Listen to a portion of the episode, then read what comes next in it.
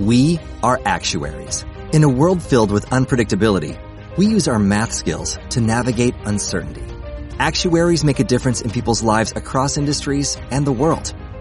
Actuaries have the freedom to work anywhere, and according to US News and World Report, we're the 25th top paying career. Make an impact as a fact seeker and a truth teller. Use your math skills for good as an actuary. The world needs you.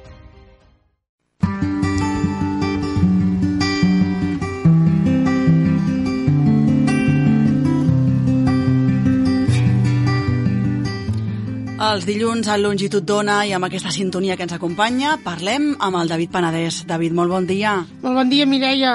Com comencem la setmana, avui estem dient aquí que comencem moguts el dilluns, eh? Moguts, sí, sembla increïble, però jo crec que és una mica la primavera també, David, no? O Sí, què? pot ser que la primavera la sang altera. Exacte. I no sé si els somnis i el son també, una mica. Sí, i a més aqu- aquesta nit he tingut uh, força somnis.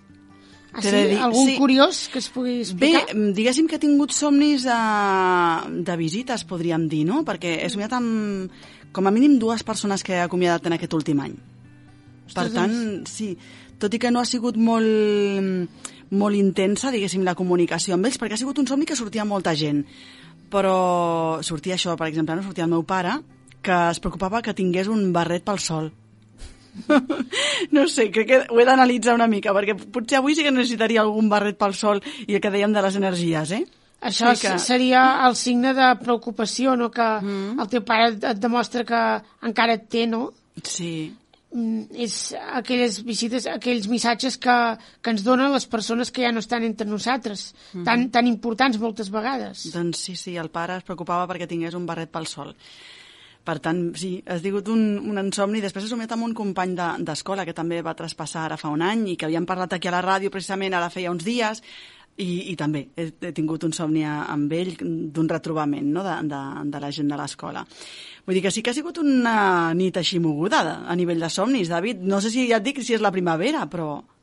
Pot ser, vegades- pot ser eh, la primavera amb la pujada de les temperatures fa que també eh, ens posem més reflexius a nivell de somnis. Sí, sí, sí, sí. Mm, No he fet l'entrenament aquell que ens vas dir, sincerament t'ho dic, David, no ho he fet. Jo, jo tampoc, he de dir que tampoc, o sigui que Però sí que molt ha, malament. Sí que hi ha una cosa que he afegit. El, o sigui, no he fet l'entrenament, però hi ha una cosa que he afegit que tu ens vas recomanar i que sí que l'he tingut molt present. I és aquella de, quan ens despertem, quedar-nos quiets. A quedar-nos quiets i pensar en el primer objecte que ens ve al cap o la primera imatge, no? Sí, sí, això sí que ho he fet.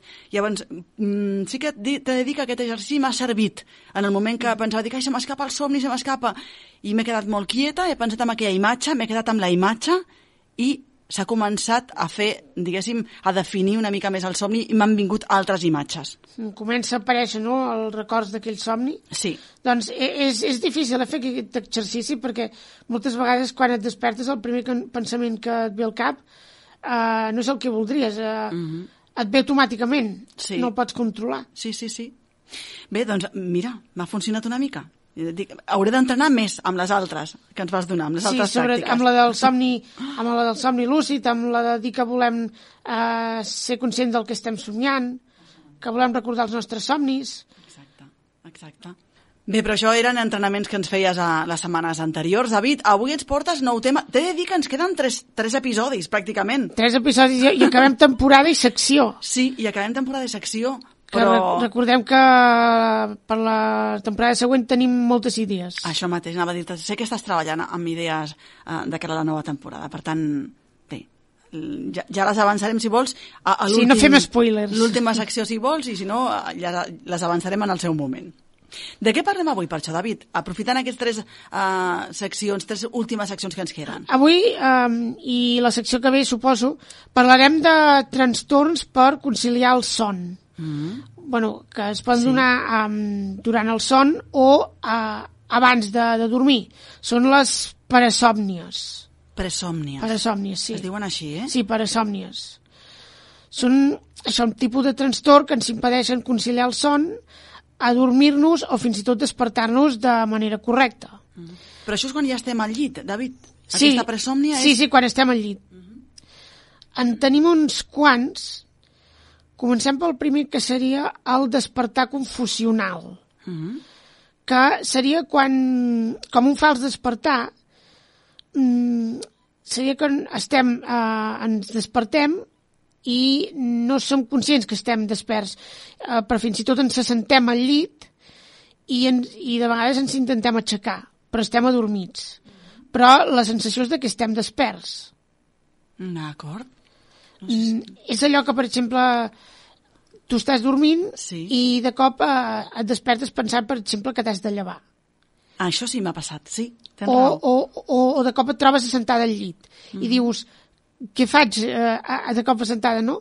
Normalment mm, acostumem a, després de tenir-los, acost, acostumen a durar segons i minuts i després mm. tornem al llit, tornem a dormir automàticament. Mm. Uh, I això se'n diu com? Confusió? Despertar confusional. Despertar confusional.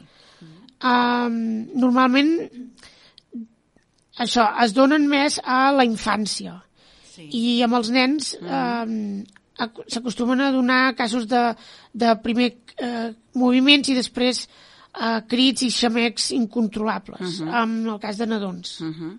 Sí, i uh, això és una vegada que havíem parlat també dels uh, terrors nocturns, també barrejat una mica, no sé si amb aquest tema, però sí que alguna vegada és veritat que, que poden arribar a seure al llit i, i, i moure, sí, clar, sí. evidentment. Sí, per això moltes vegades eh, veiem que els nens es, desport, es desperten plorant, no? Sí.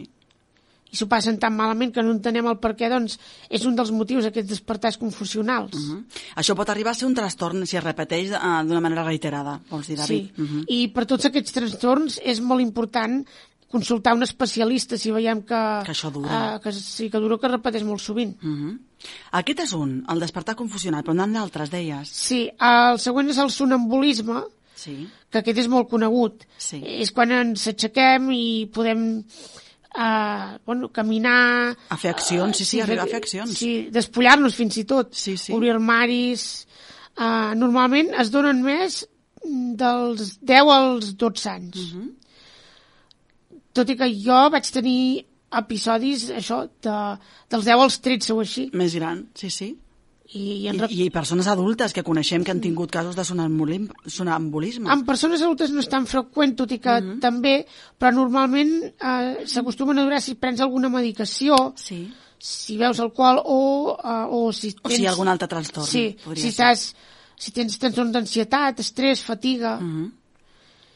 I bé, mm, per alguns no hi ha un tra tractament específic. Uh -huh.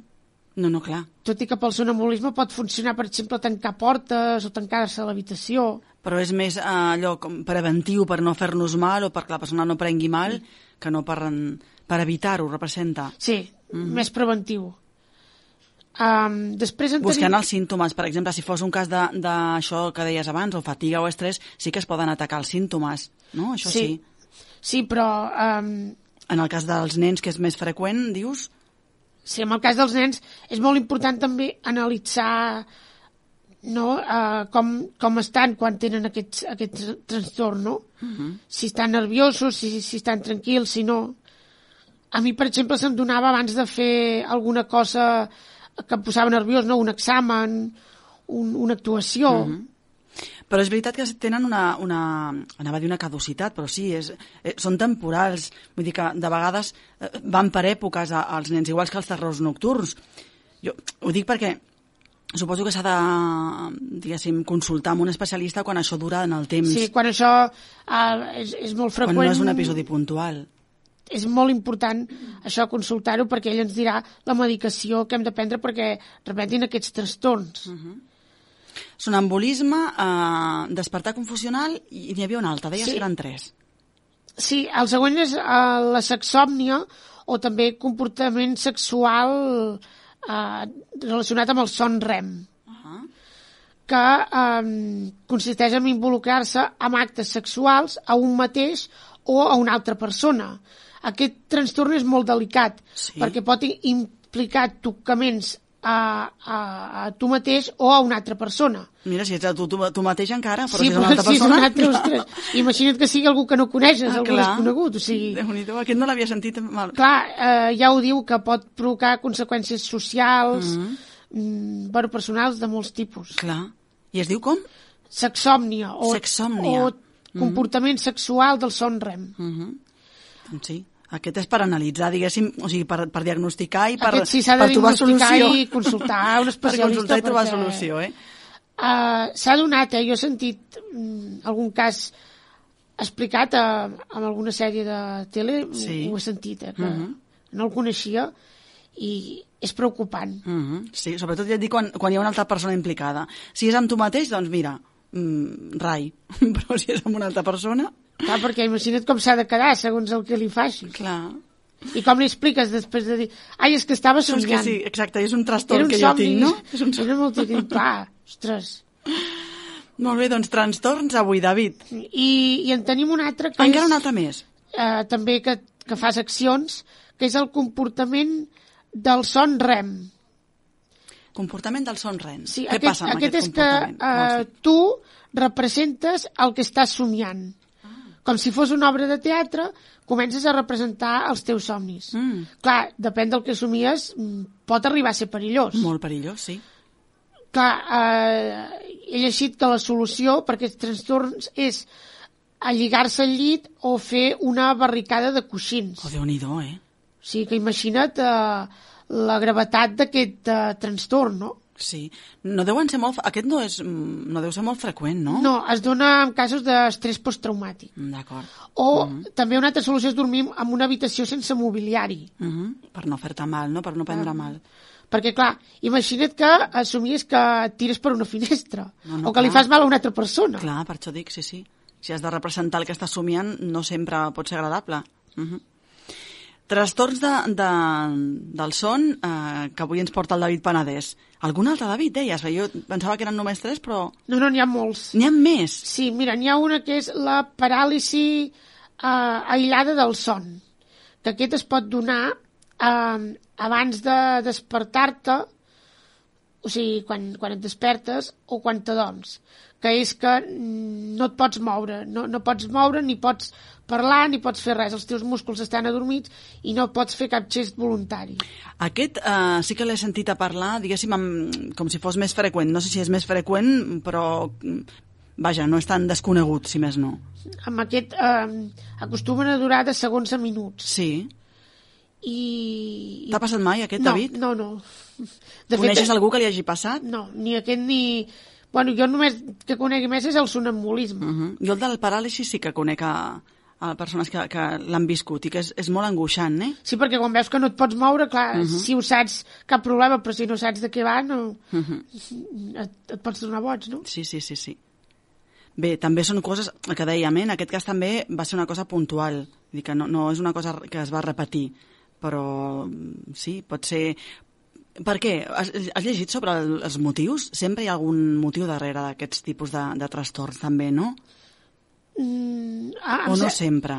Clar, en alguns dèiem l'edat, eh? Hi ha, hi ha certes edats que acompanyen els trastorns de, a la, de- a D'aquest la d'aquest nit, no amb el- posava massa amb els informació, nens. Mm. però segur que sí, que, que hi ha d'haver un motiu. Bé, el que dèiem abans, eh, de la- de l'estrès, la, fatiga, les preocupacions, amb alguns d'aquests... Eh... Sí, i també les al·lucinacions nocturnes, mm. que és quan, eh, quan et despertes o quan t'adorms tens eh, al·lucinacions que poden ser de qualsevol modalitat, sensorials, visuals, tàctils, o sigui que pots veure tot, imatges, sons, Déu-n'hi-do. veus, o sigui, pots mm, experimentar tot.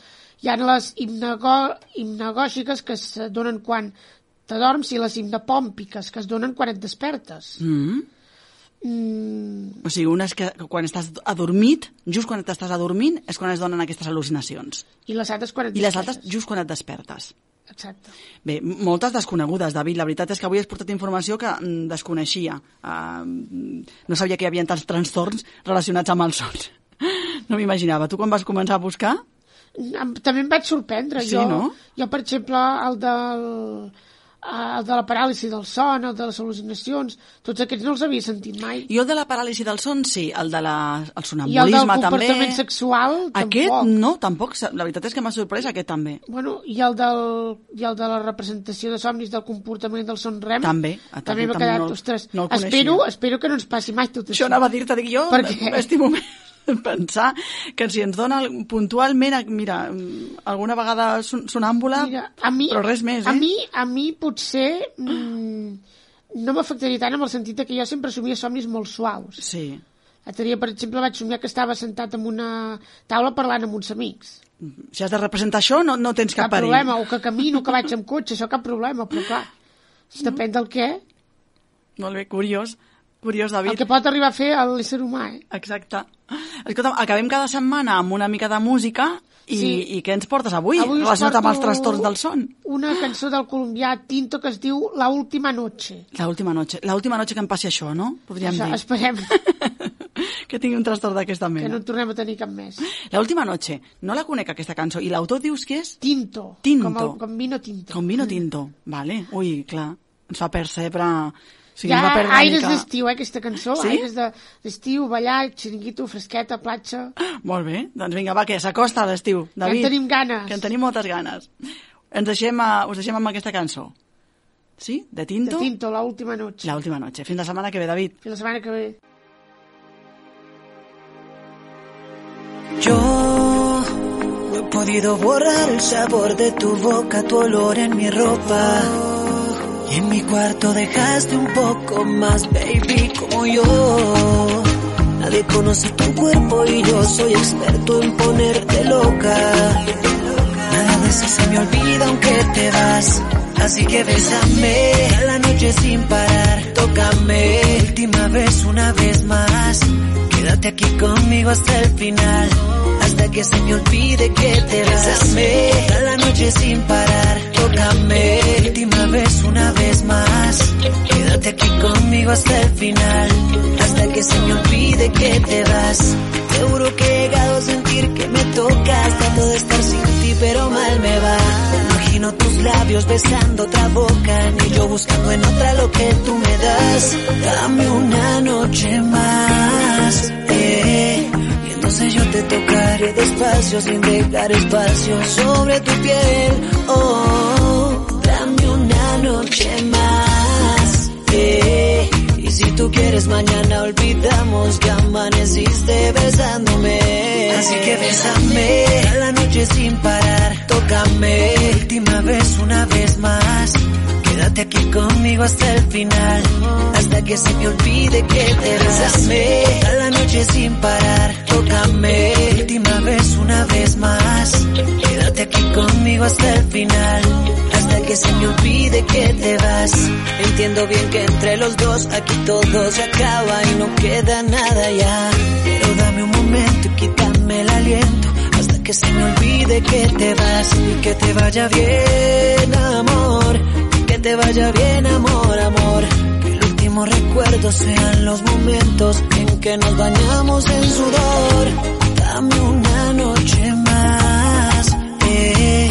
Y entonces yo te tocaré despacio sin dejar espacio sobre tu piel. Oh, dame una noche más. Eh.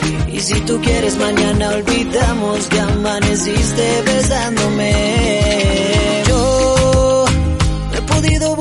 El sabor de tu boca, tu olor en mi ropa. Y en mi cuarto dejaste un poco más, baby, como yo. Nadie conoce tu cuerpo y yo soy experto en ponerte loca. Nada de eso se me olvida aun si te vas. Así que bésame a la noche sin parar. Tócame última vez, una vez más. Quédate aquí conmigo hasta el final. Hasta que se me olvide que te besame a la noche sin parar. Tócame última vez, una vez más.